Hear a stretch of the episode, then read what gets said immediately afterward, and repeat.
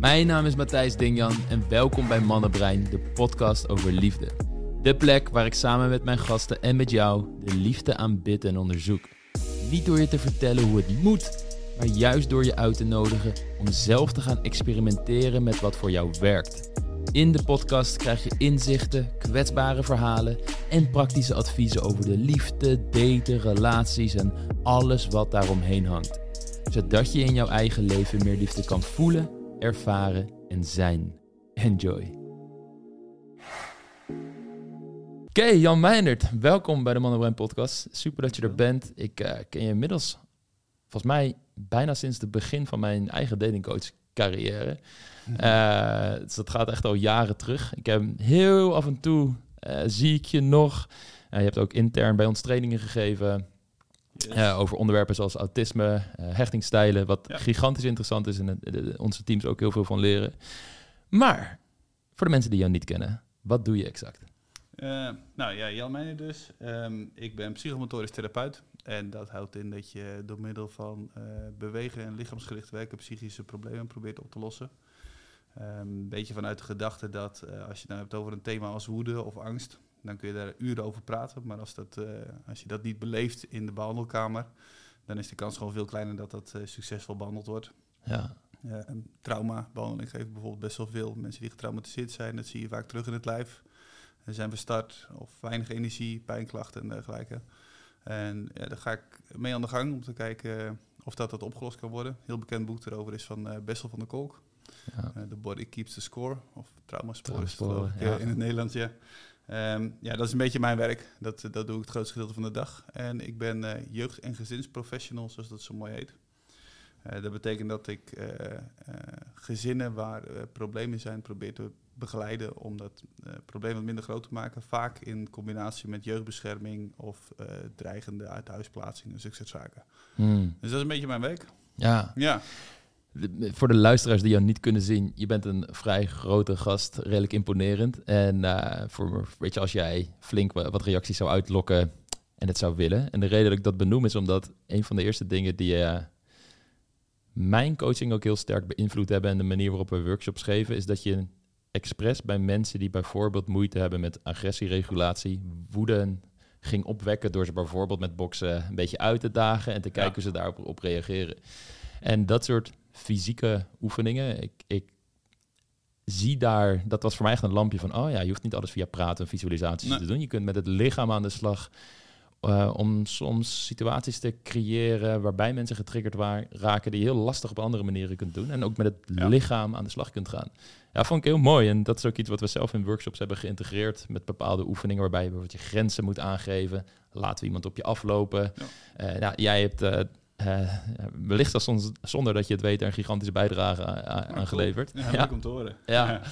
En um, de reden dat ik het zo vet vind dat je er ook bent, is omdat je ook weet hebt van datingadvies van mannen. En, um, en het mooie daarvan is, is dat jij...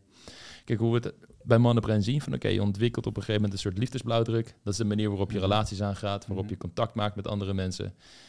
En er kan van alles fout gaan. Vooral op het moment dat er traumatische ervaringen zijn geweest. Of je komt ja. uit een stressvolle gezinssituatie waarin je niet de beste afstemming had van je ouders op, op het kind. Die dingen die zie je vervolgens terugkomen in de manier waarop je romantische relaties aangaat. Ja. En jij werkt in situaties waarin er dingen mis zijn gegaan en helpt mensen dat als het ware weer te herstellen. Ja. En wat zijn nou de, de, de grote thema's waar jij je vooral mee bezighoudt? Mm, ja, misschien eventjes om, om te benadrukken ook. Uh, ik geef dus individueel uh, therapie. Uh, soms ook aan stellen, dus relaties. En ik werk in gezinnen. Mm -hmm. Dus alle drie hebben zo een eigen, een eigen zaak. Kijk, als, als je het hebt over op datinggebied, dan zie je op individueel gebied dat sommige mensen het heel erg moeilijk vinden om een langdurige relatie aan te gaan. Ja. Um, dus dat heeft heel veel te maken met aan de ene kant met hechten, maar aan de andere kant misschien ook verwachtingen uh, richting de buitenwereld of een bepaalde schroom om uh, die stap naar uh, een date vragen te zetten. Hmm. Met de kans om afgewezen te worden natuurlijk. Dus eigenlijk de angst om afwijzing is dan heel erg groot. En er moet eigenlijk helemaal veel safe ingebouwd worden. Ja, zo werkt de wereld niet. Ja. Dus dat gaat wel eens fout. Ja. Um, ja, op relatiegebied heel vaak uh, ineffectieve interactiepatronen.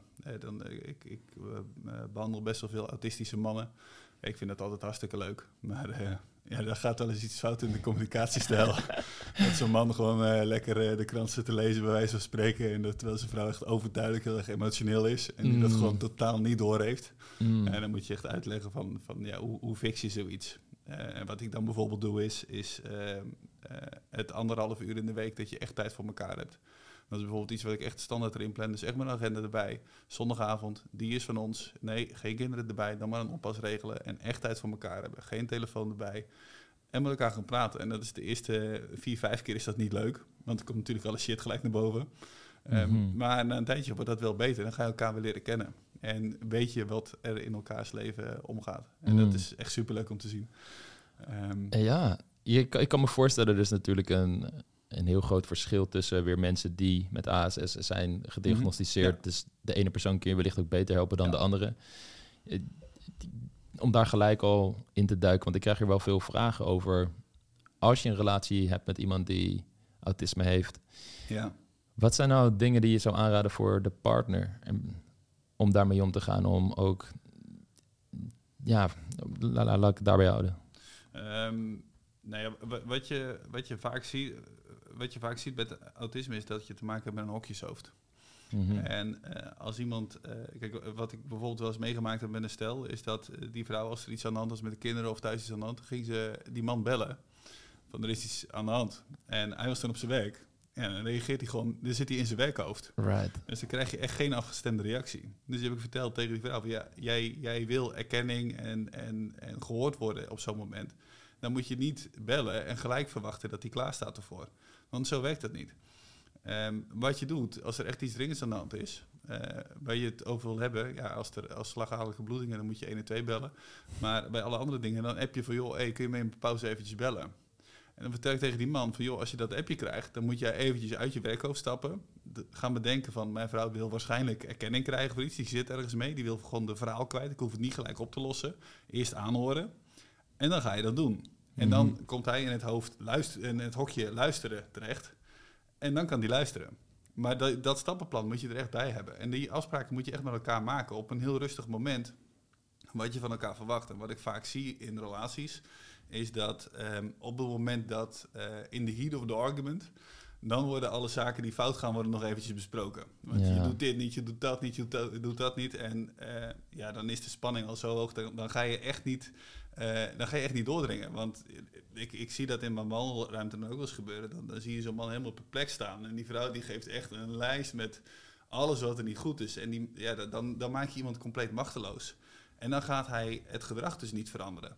Mhm. ja, het enige wat er gebeurt is dat hij zichzelf heel erg incompetent heeft gevoeld. En mensen die zich heel incompetent voelen, die gaan niet leuker handelen. Want mhm. ja, die, die gaan hun eigen afweermechanismes inzetten. Ja, dan, dan zit je echt in een cascade van... Uh, shit. Ja, en dit is iets wat niet alleen op het moment dat je partner autisme heeft een gigantisch belangrijk iets is om te doen, maar weten hoe je moeilijke gesprekken voert, soms zelfs ruzie maakt en daar kaders binnenin hebben dat je dat op een constructieve manier kunt doen en daar afspraken over kan maken, gaat je heel veel ellende bezorgen als je dat fundament gelijk vanaf moment één in je relatie uh, erin kunt brengen. En dat is te leren. En dat is ook het mooie, denk ik, van bezig zijn met dating, relaties, zelfontwikkelingsadvies. Dat je allerlei vaardigheden kunt opdoen en je relaties echt daardoor veel meer liefdevol kunt maken. Omdat je minder zit in die strijd, in wellicht angst dat het niet goed komt, in twijfels of jullie wel bij elkaar passen. Heb jij zo'n iets wat je. Wat zijn zeg maar basiselementen waar je van zou zeggen. Ik zie dat in alle relaties die niet werken of waar veel moeilijkheden zijn, zie ik dat dat ontbreekt. Dus wat zijn nou de dingen die je kunt ontwikkelen, anders gezegd, die je zo'n stevig fundament in je relatie gaan geven, die in ieder geval heel erg bijdragen aan de grootste kans dat het gaat werken? Mm, ja, het, het, uh, het vermogen om balans te houden tussen autonomie en verbinding. Ik klinkt echt de meest open deur die ik ooit ingetrapt heb, dit. Maar het is wel waar. Um, uh, kijk, je, ieder mens heeft op een bepaalde mate behoefte aan die autonomie. Ja. En je eigen dingen doen en aan verbinding, contact hebben met elkaar. Maar ehm, als jij voor jezelf niet voldoende op kan komen wat jouw eigen wensen zijn, en als het allemaal maar verbinding is, ehm, dan, dan put je elkaar heel snel uit. En Mhm. dit, dit zie je bij sommige relaties. Die, die, die mensen komen elkaar dan tegen. En dat is echt alles in vuur en vlam en helemaal op elkaar. En, en dit, dit is, dan idealiseer je elkaar echt verschrikkelijk.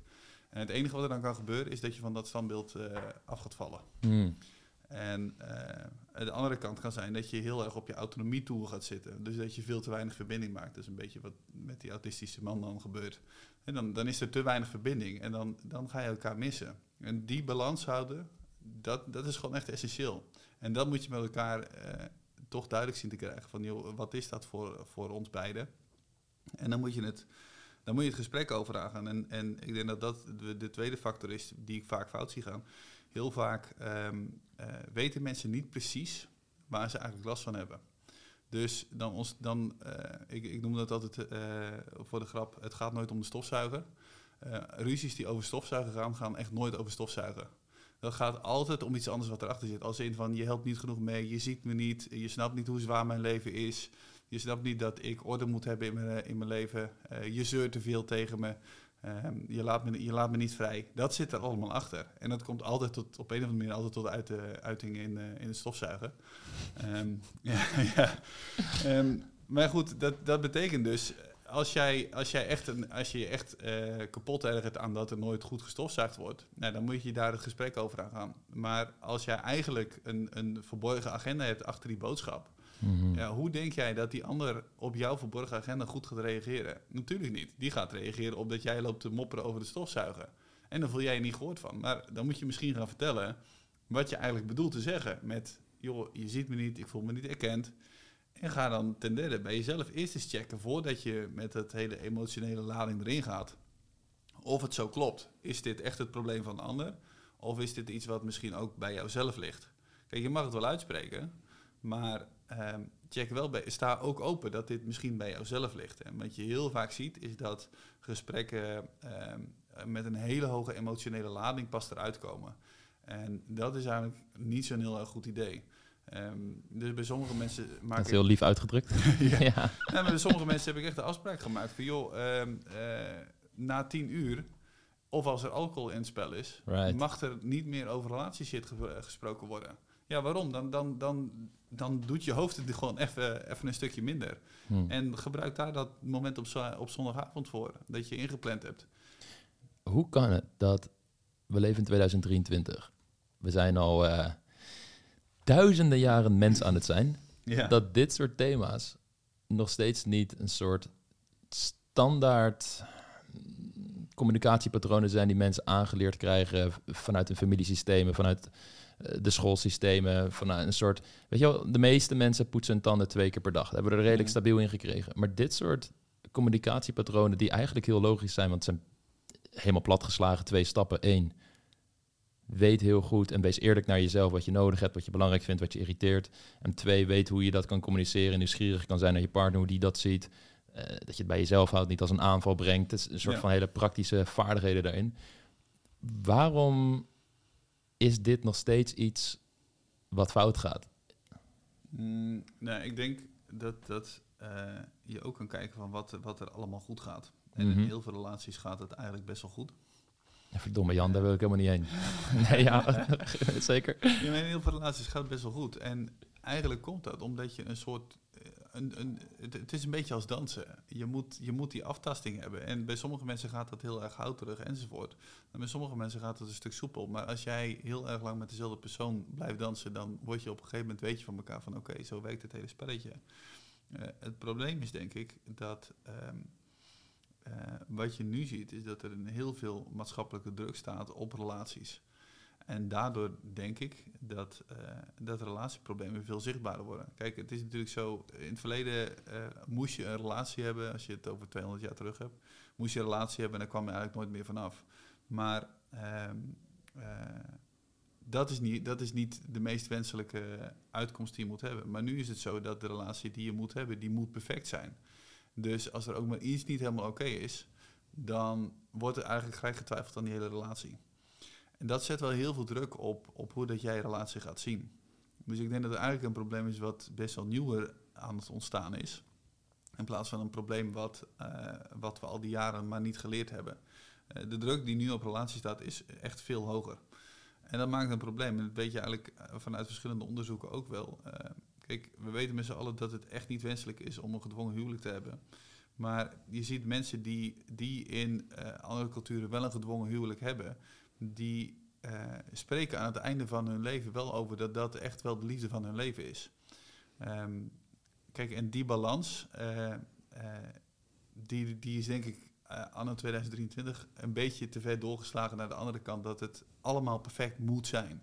je partner moet, moet en leuk zijn en gezellig zijn. En hij moet goed in bed zijn. En hij moet ook nog leuk uitzien. Hij moet leuk zijn met al je vrienden. En hij moet dan, wel, dan wel geen kinderen willen.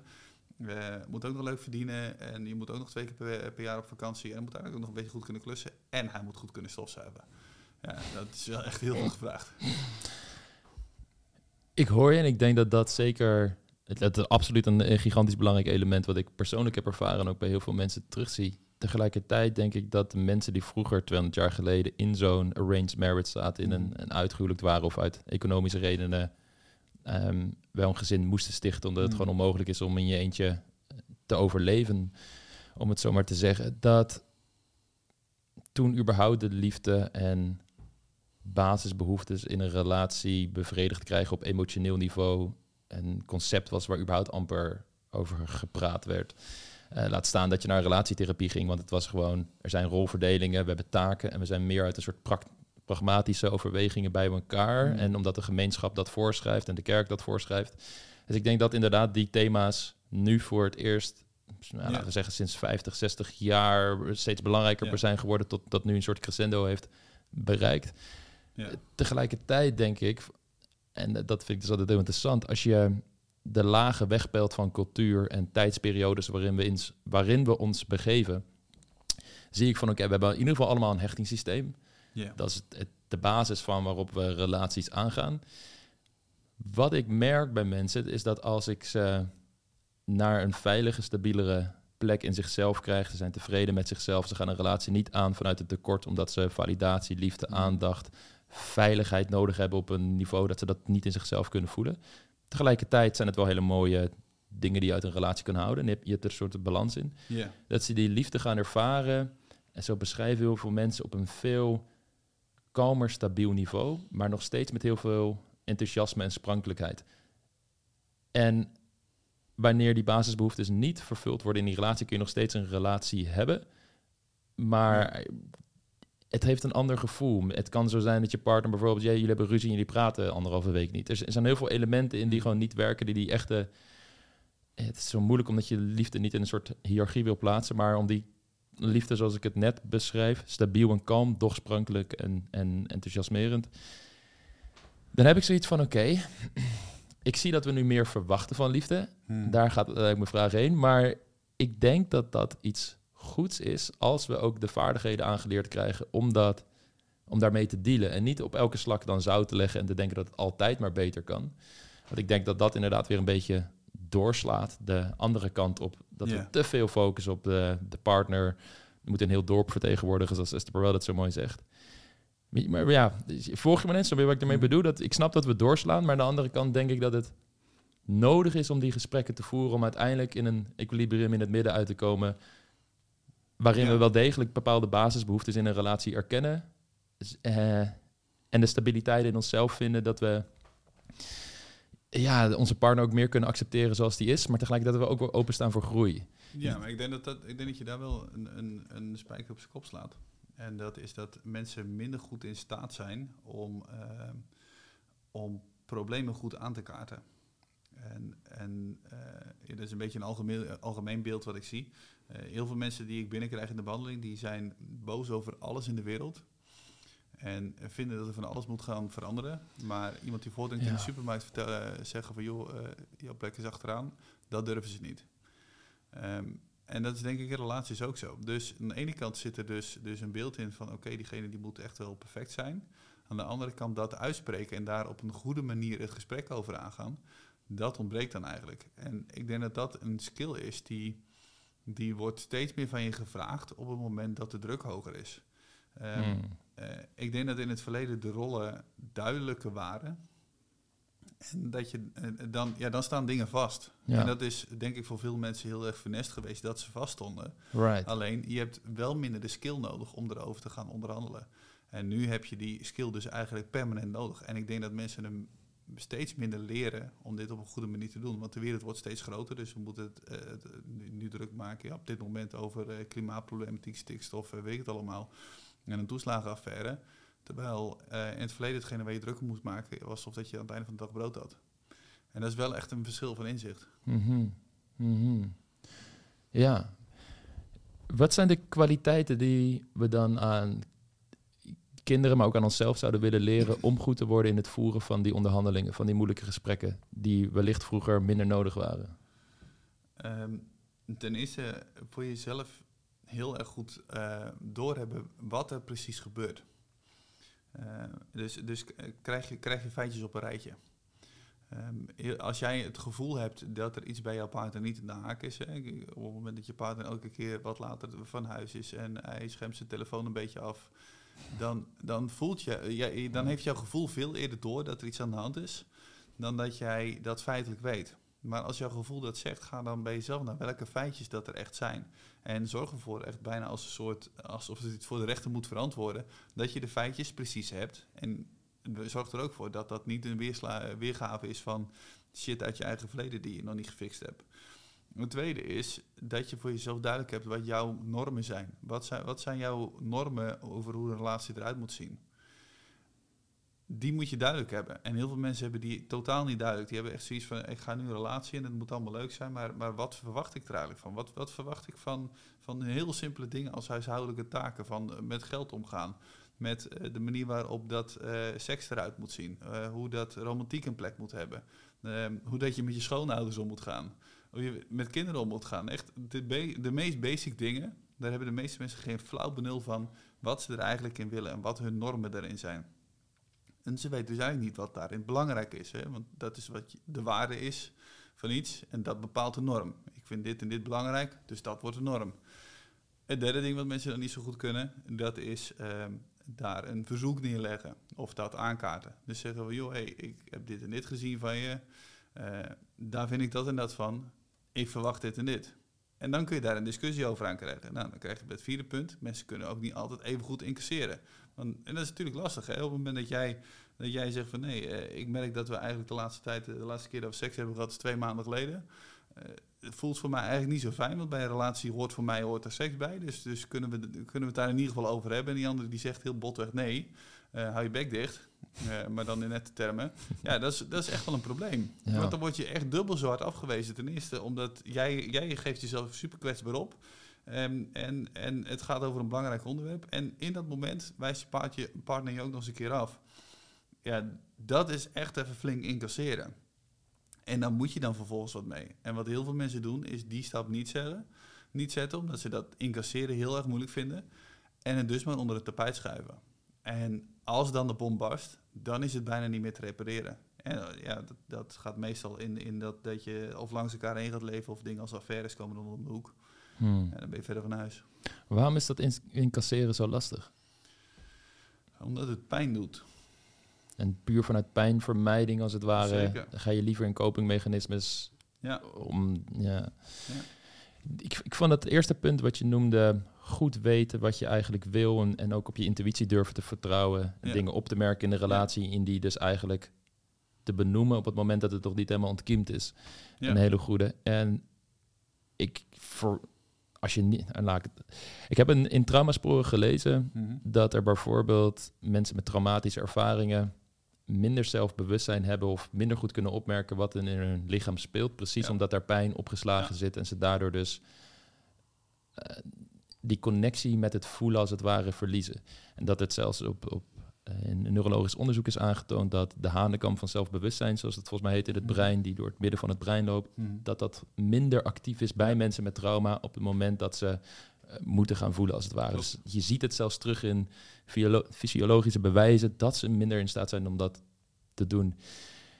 Ehm, ik hoor je daarin zeggen, traumaverwerking, de shit uit het, uit het verleden verwerken, zodat het in het heden geen sterke impact meer heeft op de manier waarop jij in die relatie staat. Dat is een hele belangrijke. Mhm. Ik hoorde je tweede punt, als ik het goed samenvat, creëer een relatievisie. Hoe zie jij dingen eigenlijk? Wat zijn Ja. je normen en waarden? En match die met die van je partner. Ja. En hebben jullie een gezamenlijke visie waar jullie in geloven? Ja. Derde is vaardigheden ontwikkelen om moeilijke gesprekken aan te gaan. En dan dus discussies te voeren, dat op een manier te brengen dat je partner niet gelijk zichzelf een onbenul voelt. Ja, Maar dat je het op een open manier doet eh, en daar de vaardigheden in leert. En een vierde, dus zelf kunnen incasseren. Ja, ik denk dat dat een heel mooi rijtje is. Dat als je op die dingen gaat focussen, dat je relaties ja, gegarandeerd eh, beter zullen worden. En Ik herken wel. ook heel veel dingen bij Ja. mezelf terug die ik daarin Ja. in moest fixen. Ja. Nou ja, en in het begin misschien niet. Als, als jij en je partner dit nog nooit gedaan hebben, Hmm. dan ga je in het begin echt shit krijgen. Dat gaat, dat gaat, niet, dat gaat niet, eh, niet soepel lopen. Ehm, maar eh, je, je- tenminste, zoals ik het zie, hè, de, meeste mensen als ze een relatie willen, dan zijn ze, willen ze dat voor de, voor de long run, zeg maar. En dus als je 20 of 30 bent, ja, dan moet je, als je 70 wordt, nog 40 jaar verder, man.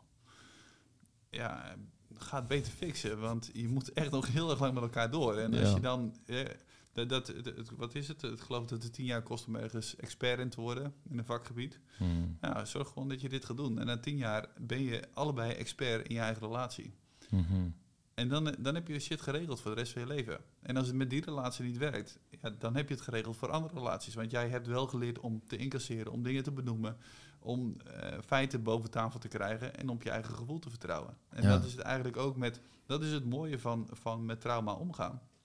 Op het moment dat je dit gaat oefenen, maak je dat kunnen voelen in je lijf wel weer wakker.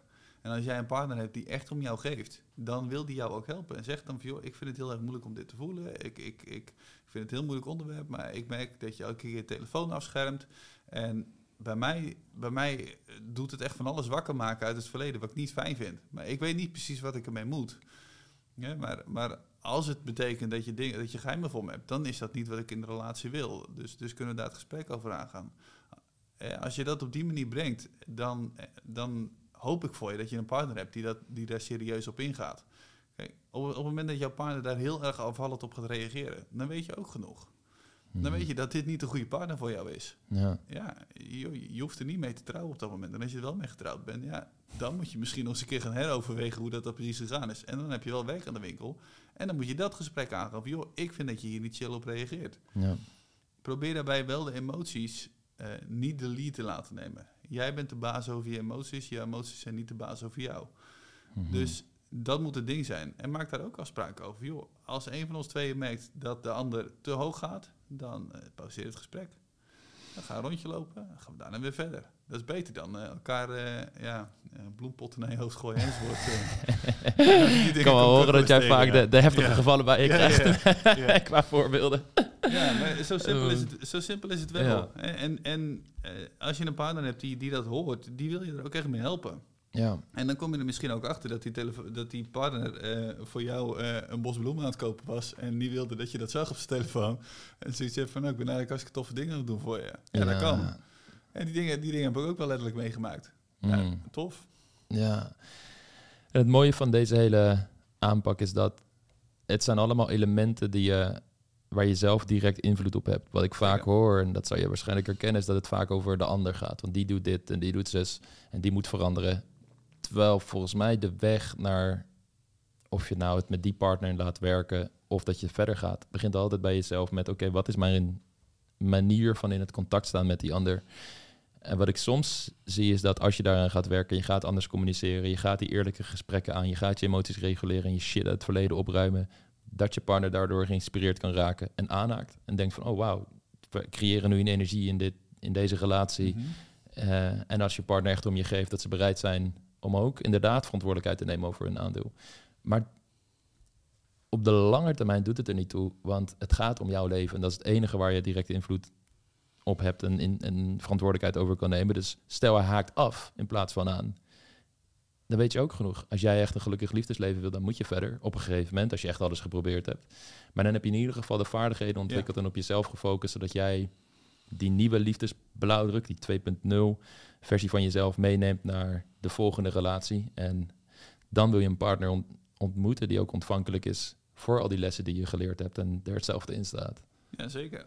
En, en, en dat is, uite- uiteindelijk word je er veel vaardiger in. Dus je wordt beter in, eh, in relaties als je dit doet. Ja. Ik, maar natuurlijk, het ligt voor de hand om te zeggen dat het bij die ander ligt. Want als het bij de ander ligt, dan hoef jij niks te veranderen. Ja, super makkelijk. En er ligt vaak ook wel wat bij de ander. Alleen, ja, misschien wel. Maar als er, als er bij de ander een probleem is, betekent dat jij aan de bak moet. Zo simpel is het.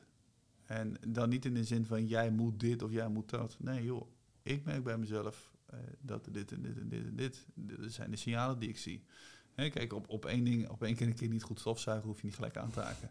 Maar als jullie de afspraak hebben dat er, dat er op maandagavond dat hij moet gaan stofzuigen en hij doet het niet, ja, ga dan het gesprek aan over dat stofzuigen. En zeg van, hé, hey, ik merk drie weken op een rij dat, dat je niet gestofzuigd hebt. En volgens mij hebben we afgesproken dat we dit gaan doen. Dus dat doet bij mij twee dingen. Ten eerste, uh, het huis is niet schoon. Maar ten tweede heb ik het idee dat als wij een afspraak maken, dat, dat die niet, nagekomen, uh, niet goed nagekomen wordt. Dat maakt bij mij van alles wakker. Uh, gedeelte uit mijn jeugd, dat ligt bij mij. Maar ook een gedeelte dat ik niet zo goed weet wat de afspraken dan waard zijn. Van, van joh, hoe zie jij dit? Mm ja, dat is, misschien heeft die ander echt totaal niet door en is hij gewoon een slottenvos. Ja, kan. Maar is hij zich wel bewust van hoe dat het... Um, hoe dat vork in de stil zit. ja, exact. Als we dan naar het, trauma-stuk gaan, want jij komt ook echt in heftige situaties, mensen die zwaar getraumatiseerd zijn. Uh, er is op dit moment best wel veel momentum dat gecreëerd wordt in traumaverwerking. Inderdaad, door mensen zoals Bessel van de Kool, Gabor Mate, die steeds populairder worden. De boeken worden steeds meer gelezen, wat iets heel, iets heel waardevols is. Uh, wat is jouw hele kijk op traumaverwerking voor mensen die misschien luisteren en zoiets hebben van ik, ik zou ermee aan de slag willen, ik weet niet waar te beginnen of wat, wat ik het beste kan doen? Het eerste wat je moet gaan doen is uh, kijken of dat uh, de wereld eng is en beangstigend is, of dat jij bang aangelegd bent. Hmm. En dat uh, is een boodschap die heel veel mensen helemaal niet fijn vinden om te horen, want die willen het liefst horen dat de wereld heel eng is. Um, maar het betekent eigenlijk, de wereld is soms echt wel een shitplaats. En mensen maken echt shit dingen mee. En jouw taak in het leven is, is, dat je ervoor zorgt dat jij daar weerbaar voor bent. En wat ik eigenlijk steeds meer zie, is dat mensen daar minder weerbaar in worden. Mensen vermijden de lastige onderwerpen. Dus tegen iemand zeggen in de rij van de supermarkt: hé, hey, je drinkt volgap. Even naar achteren nu. Um, daar, als je dat doet, dan train je jezelf namelijk in assertiever worden. En dat betekent dat als je dat lang genoeg getraind hebt, dat als er een rotsituatie ontstaat, dat jij de skills hebt om die situatie te stoppen. Maar als jij elke keer maar denkt van hé, hey, ik hou mezelf zo veilig mogelijk, ik vermijd al die situaties. En ik doe dat bijvoorbeeld in het kinderopvoeden ook. Ik zorg dat ze helemaal veilig zijn. Dan zijn ze niet weerbaar genoeg om shit situaties aan te gaan. Dan raken ze sneller getraumatiseerd. Het tweede ding is, als jij getraumatiseerd bent, eh, ga het aan. Ga het niet vermijden, ga het niet verstoppen. Want dat is hoe trauma werkt. Op het moment dat je het verstopt en als je het vermijdt, maak je het groter. Dat is echt de allerbeste plantenvoeding voor trauma. Dan wordt hij echt groter. Waarom is dat zo? Omdat dat is hoe ons brein werkt. Kijk, als jij denkt aan een situatie die vervelend was, die echt na was, echt traumatisch was, dan, ehm, dan slaat jouw hoofd opnieuw die keer dat je eraan gedacht hebt op. Hmm. En elke keer als je denkt van, oh ja, inderdaad, ik heb die hele nare situatie meegemaakt. En het heeft ook nog dit en dit en dit en dit veroorzaakt. En ik durf eigenlijk mijn huis helemaal niet meer uit. Dan wordt die, die uh, herinnering wordt steeds groter. Dus eigenlijk een monster wat steeds groter aan het worden is. En het wordt kleiner op het moment dat jij op een voor jou draagbare manier omgaat met alle angsten die gepaard gaan met dat trauma. Dan, dan wordt die kleiner. Dat is waarom het zo belangrijk is om als je een partner hebt, ook elke keer al die dingen te bespreken. Want als jij het bespreekt, dan schijnt er eigenlijk licht op. En daar houden monsters niet van. Hmm. Die gaan weg. Ja. En dat, dat werkt wel. Um, hè, dus dus, dus dat, dat is in eerste instantie je ding.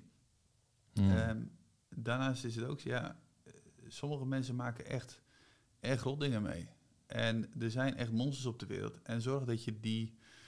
Uh, ik krijg patiënten binnen en die, die hebben dingen meegemaakt op relatiegebied. Het is echt niet voor te stellen. Mhm. Echt hele nare, uh, mensenonterende dingen bij zowel mannen als vrouwen. Echt de meest verschrikkelijke dingen. En dat is gewoon echt zo. Maar ga jij die persoon de macht geven om jouw hele leven lang te laten bepalen? Of ga jij voor jezelf kiezen en zorg je ervoor dat diegene niet meer de macht heeft om jouw leven te bepalen? Dat is de keuze die je hebt. En joh, er zijn echt goede traumabehandelingen. We kunnen echt veel op dit gebied. Ja, meld je aan. Hmm. Ja. Ja. Ik, ik, vind het zo'n een interessante. Heb je. Want dit is een kant, weet je, waar de veel luisteraars zich in, in zullen herkennen.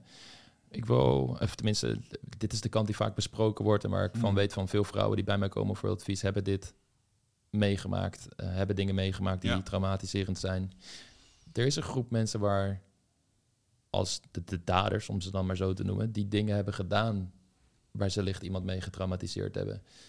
En kijk, we leven in een tijd waarbij er termen zoals narcisme en borderline populistische termen zijn geworden Ja. die heel makkelijk worden rondgestrooid. En hoe ik, ik, ik ben heel erg benieuwd naar wat jouw kijk daarop is, omdat ik denk ook soms dat er dingen gebeuren eh, in het daten, in relaties, waarbij er niet eens per se echt duistere of slechte intenties waren. Kijk, de echte mishandelingen, de verkrachtingen, Hmm. dat is een hele andere categorie. Maar ik heb het over dingen die wellicht wel echt fout waren of waarmee iemand pijn hebt gedaan. Misschien heb je dat zelf ook wel gedaan.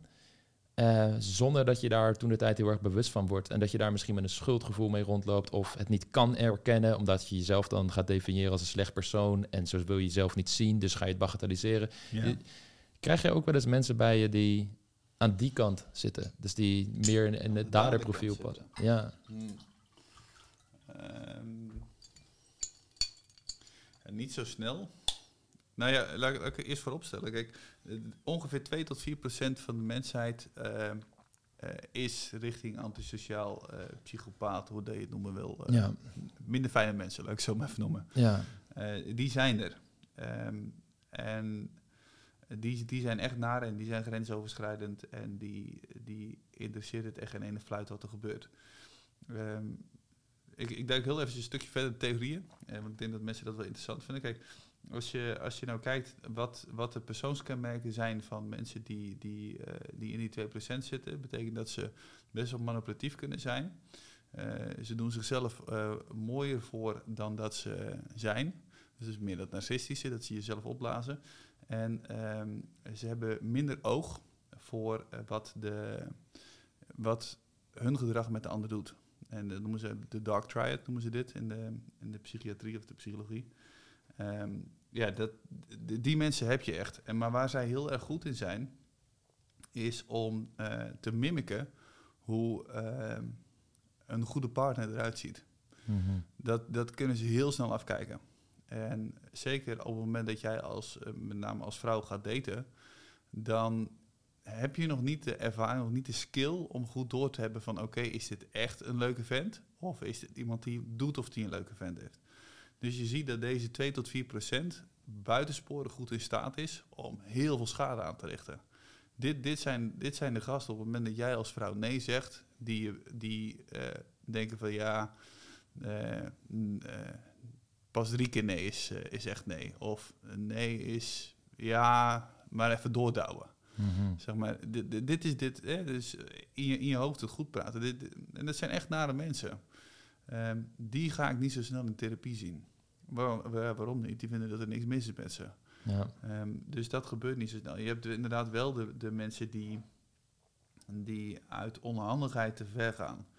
En daarmee denk ik dat je een ander maatschappelijk probleem te pakken hebt. Namelijk dat mensen niet goed meer leren hoe dat lijfelijk contact werkt. Ik zie dit op, op, op, Ja. eh, op basisscholen mogen kinderen niet meer met elkaar spelen. Terwijl dat is de manier waarop dat je leert hoe een lijf werkt. Hoe dat jouw lijf werkt, hoe dat het lijf van een ander werkt. Hoe die afstemming, hoe die afstemming werkt. En eh, als je dat dus niet weet, dan voel je niet tijdig genoeg aan wat eh, jouw gedrag met de ander doet. Want eh, je moet een beetje de ervaring hebben dat als jij iemand aanraakt en die verstart, dat je moet stoppen. Maar als jij niet weet dat dat verstarren betekent, hé, hey, ik ga te ver, dan betekent het dat je het niet door hebt. Mhm. Je denkt van, oh, die ander die, die, die zegt niks, zou wel goed zijn. Ik bedoel, als je, gaat, als je begint met relaties en met seks en zo, ja, dan ben je 15, 16, 17. Ja, ik wist geen ene fuck, jongen. Mhm.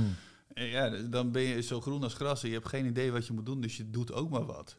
Je kun je voorlichting geven tot je in ons weegt, maar eh, bij mij de eerste parkeer, dat was echt eh, eh, eh, kikker in mijn nek en weet ik het allemaal, hartkloppingen, alles weet je wel. Zo gaat dat, ja. Ik denk dat dat bij iedereen zo Ja. is. Dus ja, dan, dan ben je wat, misschien wat minder afgestemd. En als je dan ook nog niet geleerd hebt hoe dat, dat werkt, tenminste hoe dat het lijf van een ander werkt en wanneer de, waar die grenzen liggen, ja, dan zit je met een groot probleem. Aan de andere kant, als jij inderdaad ook niet geleerd hebt om duidelijk nee te zeggen, dan wordt het voor die ander ook heel erg moeilijk om door te hebben eh, dat het nee is. Ja. Want ja, die ander is misschien zenuwachtig, weet ook allemaal niet precies hoe dat het moet. En ja, die moet dan met zijn eigen stress of haar eigen stress omgaan. En die moet jouw stress nog allemaal zien te managen. En is er allemaal, eh, dat is wel heel erg lastig. Dan helpt het heel erg als jij geleerd hebt van best wel jonge leeftijd dat nee, nee is. Dat je het heel duidelijk kan zeggen. En ook op een hele vriendelijke, rustige manier kan zeggen. Zeg van, joh, nee, nog niet. Of laten we rustiger aan doen. Eh, dat werkt voor mij gewoon veel fijner. Want de meeste mensen die niet in die 2% vallen, Juist, die willen gewoon dat het fijn is 100%. met de ander. ja. En ja, dat, is, dat, dat, mag, dat mag van mij wat meer aandacht krijgen. Want dat is een veel hoopvoller bericht dan ehm, alle, mans, alle mannen zijn potentiële verkrachters en eh, alle vrouwen dat zijn, eh Juist. En ik veel. Ja. ik denk dat die gedachte soms zelfs kan bijdragen dat er meer van dit soort dingen gebeuren. Omdat als jij de boodschap krijgt dat je op moet passen voor een man en je voelt je op dat moment niet veilig, dan ga je Ja. minder snel nee zeggen, denk ik, dan. Want dan, ja, wie, wie weet, wordt hij alleen maar boos en gaat hij juist door. Dus kun je er maar een soort van beter meebewegen. Ehm, ik, kan me, ik, ik hoor wel eens van vrouwen die bij mij komen dat ze in situaties zijn meegegaan met een man waar ze achteraf dan spijt van hadden. Ja. En ik denk dat de boodschap helpt om te zeggen van... hé, hey, de meeste mannen vallen niet in die 2%. Als jij echt aangeeft dat je iets niet prettig vindt, zullen Ja. ze stoppen.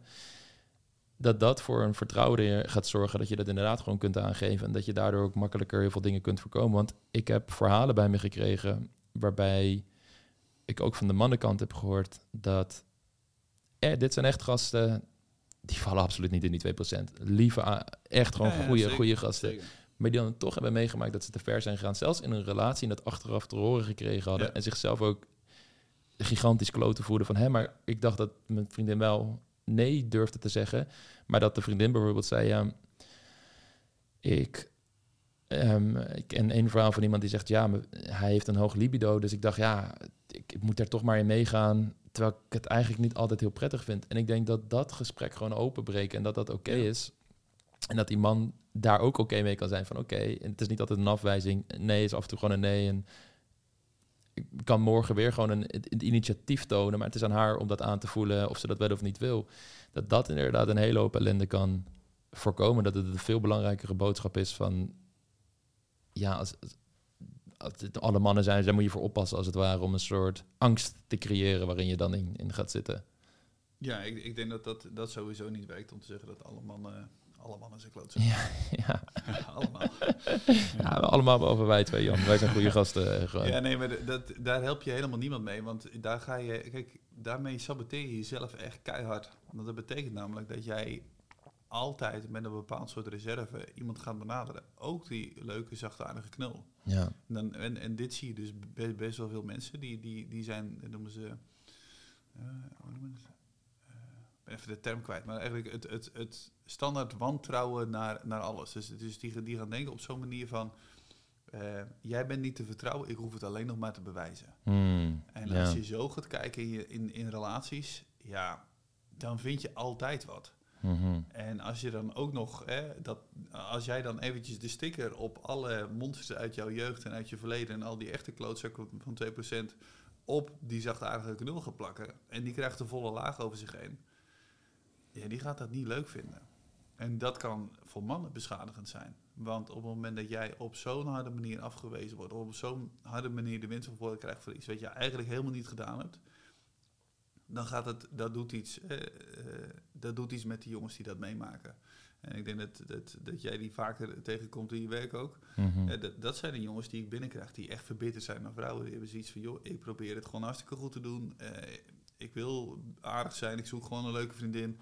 En ik ben op zo'n harde manier afgewezen, te kakken gezet, eh, eh, echt neergesabeld. Ja, Ja, dat doet iets met het zelfvertrouwen van iemand van 17 hoor, ja. als dat gebeurt. En dan krijg je een soort verbittering. Dat betekent niet dat het goed is dat zij dan vervolgens grensoverschrijdend zijn. Maar wat je daarmee, als dat lang genoeg doorgaat, ja, dat is een beetje wat je, wat je krijgt met de, met de incel community.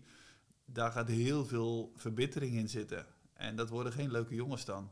Dus dat is niet die 2%, maar die, die gaan nadoen naar vrouwen. En die gaan, gaan filmpjes verspreiden van, uh, van mensen op internet om, om maar terug te pakken. Dat is niet de goede route. Mm. Die moet je echt niet hebben. En die gasten, ja, die, die hebben hun homework te doen.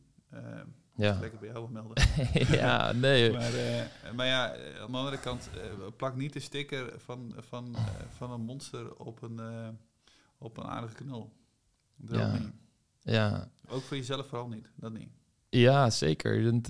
Dat, dat zijn toch wel sentimenten die ik bij sommige dames die ook vaak gekwetst zijn. En ik denk zelfs dat het helpt om niet eens over heren of dames te praten, maar bij sommige mensen die gekwetst zijn, inderdaad, dat ze de, mm. de andere seksen gaan wantrouwen en de hele negatieve overtuigingen eh, bij ontwikkelen. Ik, ik, snap het wel. Hè. Kijk, maar realiseer je dan dat je misschien een schild wil hebben ehm, voor dit uh, uh, geraakte deel van jezelf. Hè? Als jij echt veel pijn hebt, en er zijn, er zijn echt, joh, die 2% zijn mannen, dat zijn echt zware klootzakken. Mhm. En die moeten echt, als het, waar het ook maar kan, echt keihard aangepakt worden. Die maken zoveel kapot. Dat is echt niet goed. En als jij daar het slachtoffer van geworden bent en dan heb je pijn en dan, dan, dan ben je echt geraakt en wellicht voor de rest van je leven heb je littekens. Dat is echt niet chill. Um, dat betekent dat je voor jezelf moet horen van oké, dit is mijn pijn, ik ben hier pijn gedaan. Hoe ga ik ervoor zorgen dat als iemand hierbij in de buurt komt, dat ik dat op een voor mij zo goed mogelijke manier de grens aan kan geven. En zoek er alsjeblieft hulp voor. Die is er. En, en leer om daar je grenzen aan te geven. Maar ga niet die stikken van die 2% op iedereen plakken, op elke sociale interactie. Hmm. wat je daarmee gaat doen is je woede alleen maar groter maken en voeden. En dat is leuk, want woede is een fijne emotie, want je voelt je sterk en je denkt mezelf, nou heb ik de power, nou kan ik, weet je, ik kan gewoon elke man die hier in de club staat, die kan ik zo hard afwijzen. En zodra, nou, dat, maar wat je dan aan het doen bent, dan ben jij richting die 2% aan het kruipen. En dat is niet wat je wil zijn. Dit is niet hoe dat jij oud wil worden en uh, het leven door wil gaan. Echt niet. Je wordt meer van datgene waar je boos op bent op dat moment. Ja.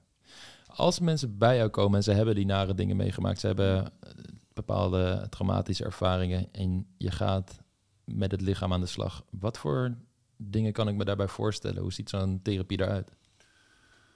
Um, met trauma. ja. Oké. Okay. Um, nou ja, wat ik. Uh, nou, ik ben sensory motor psychotherapist, zoals dat zo mooi heet. En dat betekent dat je ehm, ehm, dat op het moment dat iemand iets naast heeft meegemaakt, dat je uh, die situatie eigenlijk in uh, eigenlijk als een film in hele kleine stukjes gaat opknippen.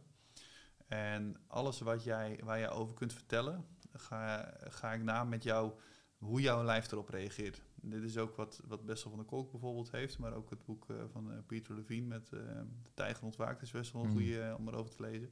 Kijk, jij hebt in jouzelf echt wel de respons om te reageren, om te vechten, om weg te lopen, om stop te zeggen.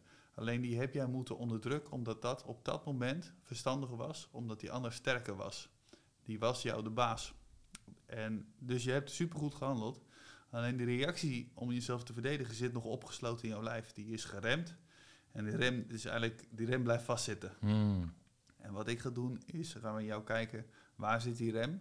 En kunnen we die wel loskrijgen? Wat voel je in je lijf? En bij heel veel mensen zit van, oh, ik voel in mijn been dat ik heel veel spanning heb. Of ik voel in mijn buik dat ik eigenlijk... Heel, dat begint meestal met, ja, ik heb een beetje een raar gevoel in mijn, in mijn buik. En dan ga je daar verder mee aan de gang. En dan blijkt er heel veel woede in te zitten. Al die woede die je op dat moment niet hebt kunnen uiten, als je die gaat voelen, dan, dan ja, dat, mensen ze worden echt woedend bij mij in die ruimte. Maar er, er, komt zoveel emotie los. En dan komen mensen er ineens achter dat ze dus in staat zijn om heel woedend te worden. En die zijn daar zo blij mee. Want je hebt, je hebt het af en toe echt nodig om echt heel woedend te worden. Zo'n zo'n 2% gast, dan moet je volle bak tegenin kunnen gaan. Want dat zijn opportunisten. En dat, dat is een manier om ze te remmen. En als je dat tijdig genoeg doet, dan kun je shit voorkomen. Kijk, dus niet altijd lukt dat. Maar uh, de manier, eh, op het moment dat jij gaat leren om, om die woede succesvol en adequaat in te zetten, heb je daar zoveel baat bij. Mhm. Dus dat is de manier waarop ik dat doe. Hmm. En eh, op, wat ik je dus eigenlijk hoor zeggen is van oké, dus ten, eerste is er een lichamelijk aspect dat er emoties vrijkomen die opgeslagen zitten in het lichaam, maar tegelijkertijd maak je mensen meer adequaat om met gevaarlijke situaties, om het dan maar onder die paraplu-term te vatten, aan te kunnen. Dus dat ze een vertrouwen in zichzelf ontwikkelen van ehm, de wereld is wellicht wel een beetje gevaarlijk, want er lopen dit soort gasten rond, Zeker, maar ik kan voor mezelf opkomen en daardoor kan ik alsnog kalm zijn, rustig zijn in mijn normale leven en genieten. En dit Ja. inzetten op het moment dat ik het nodig heb. Ja, nou ja, het, het, het, kijk, dat lichaam, dat proberen we een beetje voor de gek te houden. Door door, door te gaan met, eh, met ons gewone leven, naar ons werk te gaan, naar je studie te gaan, ehm, uit te gaan en whatever dat je doet. Maar dat lichaam, dat voelt ergens wel van, ja, dat is leuk dat je dit doet, maar wij, wij hebben iets meegemaakt wat niet oké is. Ja. En jij gaat toch weer uit. Dus, dus, dus dit is niet in orde. Dus, dus die respons die wordt vaak ook alleen maar erger. En als je maar lang genoeg dat trauma blijft wegstoppen, dan zie je dat mensen op een gegeven moment conversieklachten krijgen, niet meer naar buiten kunnen komen, depressief worden, eh, heel erg vermoeid worden. Dat het lijf eigenlijk vertelt van ja, hallo, eh, de boel is helemaal niet safe buiten. En je wilt maar doorrennen en doorrennen. En dat kan helemaal niet. En eigenlijk wat je dat lijf dan moet gaan vertellen is van, oh maar wacht eens even jij hebt wel een adequate reactie. Jij hebt wel het juiste gereedschap om dit probleem te doen. Jij hebt toch een gummiknuppel ergens achter in de auto liggen. En die gaan we nu eventjes leren hoe dat je er goed mee gaat mappen. Dat, dat moet dat lijf eigenlijk, eigenlijk krijgen. En dan, dan maak je de, de, de, de survival reactie eigenlijk die je, die je in je hebt, die maak je af. Mhm. Eh, ja, en dat, dat zorgt ervoor dat mensen automatisch sterker worden. Want je hebt geleerd om op een adequate manier met een rotsituatie om te gaan. En dan is eigenlijk, dan staat het, het lijf en jouw hele mind staat weer open om, om, te, om te leren omgaan met, met lastige situaties. Ja. En natuurlijk, je gaat nooit expert worden in eh, mensen die jou, die jou in een donker steegje in elkaar willen trappen. Dat, dat, zo, zo werkt het niet. Maar dat betekent wel dat jij de ruimte weer gaat krijgen in jouw hoofd om na te denken, wat gebeurt hier en op wat voor manier kan ik hier adequaat op gaan reageren. Hè, bijvoorbeeld ervoor zorgen dat ik niet helemaal in paniek elke keer drie blokken omga, maar één straat omgaat op een rustige manier met een rustige ademhaling en niet helemaal gek laat maken door wat er gebeurd is. Juist. Want dat laatste is de adequate reactie. Juist. Ik ben, het is wat meer hypothetisch, maar ik ben alsnog heel erg Ja. nieuwsgierig wat jouw kijk hierop gaat zijn. Op het moment dat we het over dit soort onderwerpen hebben, de 2% traumaverwerking, ben ik altijd heel erg nieuwsgierig hoe dat eruit zou gezien hebben in jager-verzamelaar samenlevingen, gewoon de oorsprong waar we vandaan komen. Ik weet dat Bruce Perry, eh, ook een, een traumatherapeut, om hem zomaar samen te vatten, bij dat soort stammen gekeken heeft om te zien hoe zij dan met traumatische ervaringen omgingen. En dat hij een paar dingen heeft Mhm. gedefinieerd, zoals ritmes zijn heel belangrijk, het groepsgevoel is heel belangrijk. Eh, de ruimte geven dat mensen niet alles in één keer de hele tijd moeten vertellen, maar ook mondjesmaat het als het ware eh, ver- verwerken door middel van er Ja. stamleden over te spreken. Ja. Ik zie dat, dat zie ik voor me. En ik kan me voorstellen dat wij dat dus nu in onze maatschappij missen. Want als mij nu iets, iets traumatisch overkomt, ja, mijn stam overkomt dat als het ware niet. Eh, en ik ga gewoon naar huis, ik ga verder met mijn leven. En daarom hebben we therapeuten en manieren die je daarbij kunnen helpen om dat soort van op te vullen. Zo zie ik dat dan zelf. Maar die 2%. Ik, ik, ik heb wel eens mensen die hierover spreken horen zeggen van ja, die had je dan, die kon je dan wellicht gebruiken op het moment dat je in een soort stammenoorlog zat en dan gooide je Henk naar voren. Want Henk, eh, die was, die was lui, boeide het allemaal niet. En die had een soort anti, ja, persoonlijke, pers persoonlijkheidsstoornis en die ging gewoon. Maar het is voor mij een, een veel te simplistisch beeld van hoe, de, hoe iemand dan in het normale dagelijks leven daar functioneerde en hoe die daar dan om kon gaan. Want wat je ook vaak hoort hier in onze samenleving is dat je zegt, ja, dat blijkt dan ook weer uit onderzoeken van veel echte psychopaten blijven ook nooit lang op één plek, gaan weer door Ja. omdat ze relaties kapot maken en Ja. noem maar, maar op. Maar hoe, hoe, hoe, ja, wat, hoe denk jij dat dat dan, waarom, waarom bestaat dit? Hoe is dit, hoe is het mogelijk dat dit de evolutie heeft overleefd? Ehm, nou, eh, dan moet je in die 2% duiken. Je Ja. hebt- binnen die 2% heb je een bepaald type mens dat heeft echt nul empathie. Er is een eh, leuk boek eh, over, heet Nul Empathie. Ehm, en dat boek is van Baron Cohen. Dat is een neurowetenschapper. Dat is de neef van Borat. Dat is super grappig. Ze lijken ook best wel veel op elkaar. Alleen is de ene kaal en de andere heeft Maar als je dat eenmaal ziet, kun je niet meer niet Oh, zien. chill. Maar die, heeft echt, eh, die doet allemaal hele leuke onderzoekjes daarna. Maar je hebt echt een, een bepaald percentage van die P- 2%. Die, eh, missen, die missen gewoon echt neurologisch gezien het vermogen om zich in een ander te kunnen verplaatsen. En dit, zijn, eh, dit merk je echt al vanaf heel jonge leeftijd. betekent eigenlijk gewoon dat je een neurologisch probleem hebt. Net zoals dat, eh, dat mensen niet aangeboren hersenletsel eh, kunnen krijgen. Dat is een neurologisch probleem. Ja, andere mensen bijvoorbeeld heel verstandelijk beperkt zijn of syndroom van Down. Dat zijn, ja, dat, dat, die problemen zijn er. Hè, en en ja, waarom, waarom hebben we nog steeds syndroom van Down? Ja, Mm. dat, dat, dat is hoe de natuur werkt. Mm. Ehm, waarom hebben mensen met een verstandelijke beperking? Idem dito, ja, dat gebeurt. Ehm, dit zijn de kinderen die, als op jonge leeftijd merk je dat wel, eigenlijk, eigenlijk als je zo ziet, eh, van 0 tot 2 is iedereen een psychopaat. Ja. Ehm, en, eh, maar peuters zijn gewoon niet sterk genoeg om de ander om te leggen. maar als, eh, ja, als jij een peuter hebt en die heeft speelgoed en die ander die wil het, ja, die gaat het gewoon afpakken. En als je dat niet doet, dan is het gewoon eventjes zo'n handje in je gezicht en dan Ja. pak ik het wel. Alleen ja, dat, dat levert niet zoveel schade op. En je leert dan al heel snel, hè, want op, dat is de manier waarop dat je dat doet, echt vanaf twee jaar eh, ongeveer. Dan is dat met elkaar en met je, eh, met je ouders, als je geluk hebt. Een beetje afstoeiend leer je van oké, dit is hoe dat het werkt. Eh, en dan ben je geen psychopaat meer. Dan heb jij dus geleerd dat je rekening moet houden met de gevoelens van anderen. En dat als je iemand een klap in zijn gezicht geeft, dat dat niet fijn is. Dat is super simpel. En bij, bij dieren precies hetzelfde. Hè. Bij, bij leeuwen, dan, dan als zo'n eh, welpje echt heel erg jong is, dan mag hij een beetje bijten, totdat hij een bepaalde leeftijd bereikt. En dan vindt papa leeuw het niet goed meer. Hmm. Dus eerst mag hij altijd op die staart bijten. Dat zie je ook altijd in die filmpjes. Totdat hij ouder wordt. En dan is het ineens eh flats. en dan tuimelt het beestje zo om. En dan leert hij van, oh ja, wacht, dat mag ik helemaal niet doen. Ik ga te ver. Ja. Eh, en dat, heeft te maken met dat hij dan harder gaat bijten. Hè. Dus, dus dan leert hij eigenlijk heel erg jongs af aan van... oké, dit is mijn kracht en zo moet ik hem doseren. Alleen, als jij niet het vermogen hebt om aan te voelen bij de ander... en bij jezelf, dan, ja, dan ontwikkel je dat niet. Dus wat je bij deze kindjes ziet... als ze dan drie, vier, vijf zijn... en allemaal problemen op school... dan zijn dit echte kinderen... die, die, die, die kun je op een evenwichtsbalk op zijn kop... helemaal in zo'n hele hoge gymzaal... zonder vangnet eronder... gewoon eroverheen laten lopen. En die, daar gebeurt helemaal niks. Geen hogere hartslag, echt zero. Daar zit, die voelen geen spanning. Echt niet. Dan heb je echt een probleem. Want je, die, dit zijn ook de mensen die, die verongelukken echt bovengemiddeld vaak. Die zien gewoon het gevaar niet. Die hebben gewoon niet het vermogen om dit te voelen. Dan heb je echt een neurologische afwijking. Dus dit is echt een keiharde groep. En dat is, dat is gewoon, ja, dan, dan heb je een bepaalde vorm Hmm. van een verstandelijke beperking op dit gebied. Ja, Mm. dat, dat doet het niet.